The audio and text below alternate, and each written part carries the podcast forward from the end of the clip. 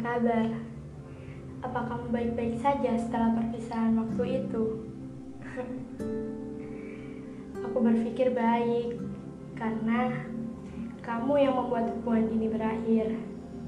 Waktu itu, kamu memilih untuk memperjuangkan dia. Lalu, bagaimana sekarang? Sudah berhasil mendapatkannya? Apa kamu masih memperjuangkannya? Jika iya, semangatlah, tetaplah berlari untuknya. Jika kamu mendapatkan penolakan darinya, cobalah kembali.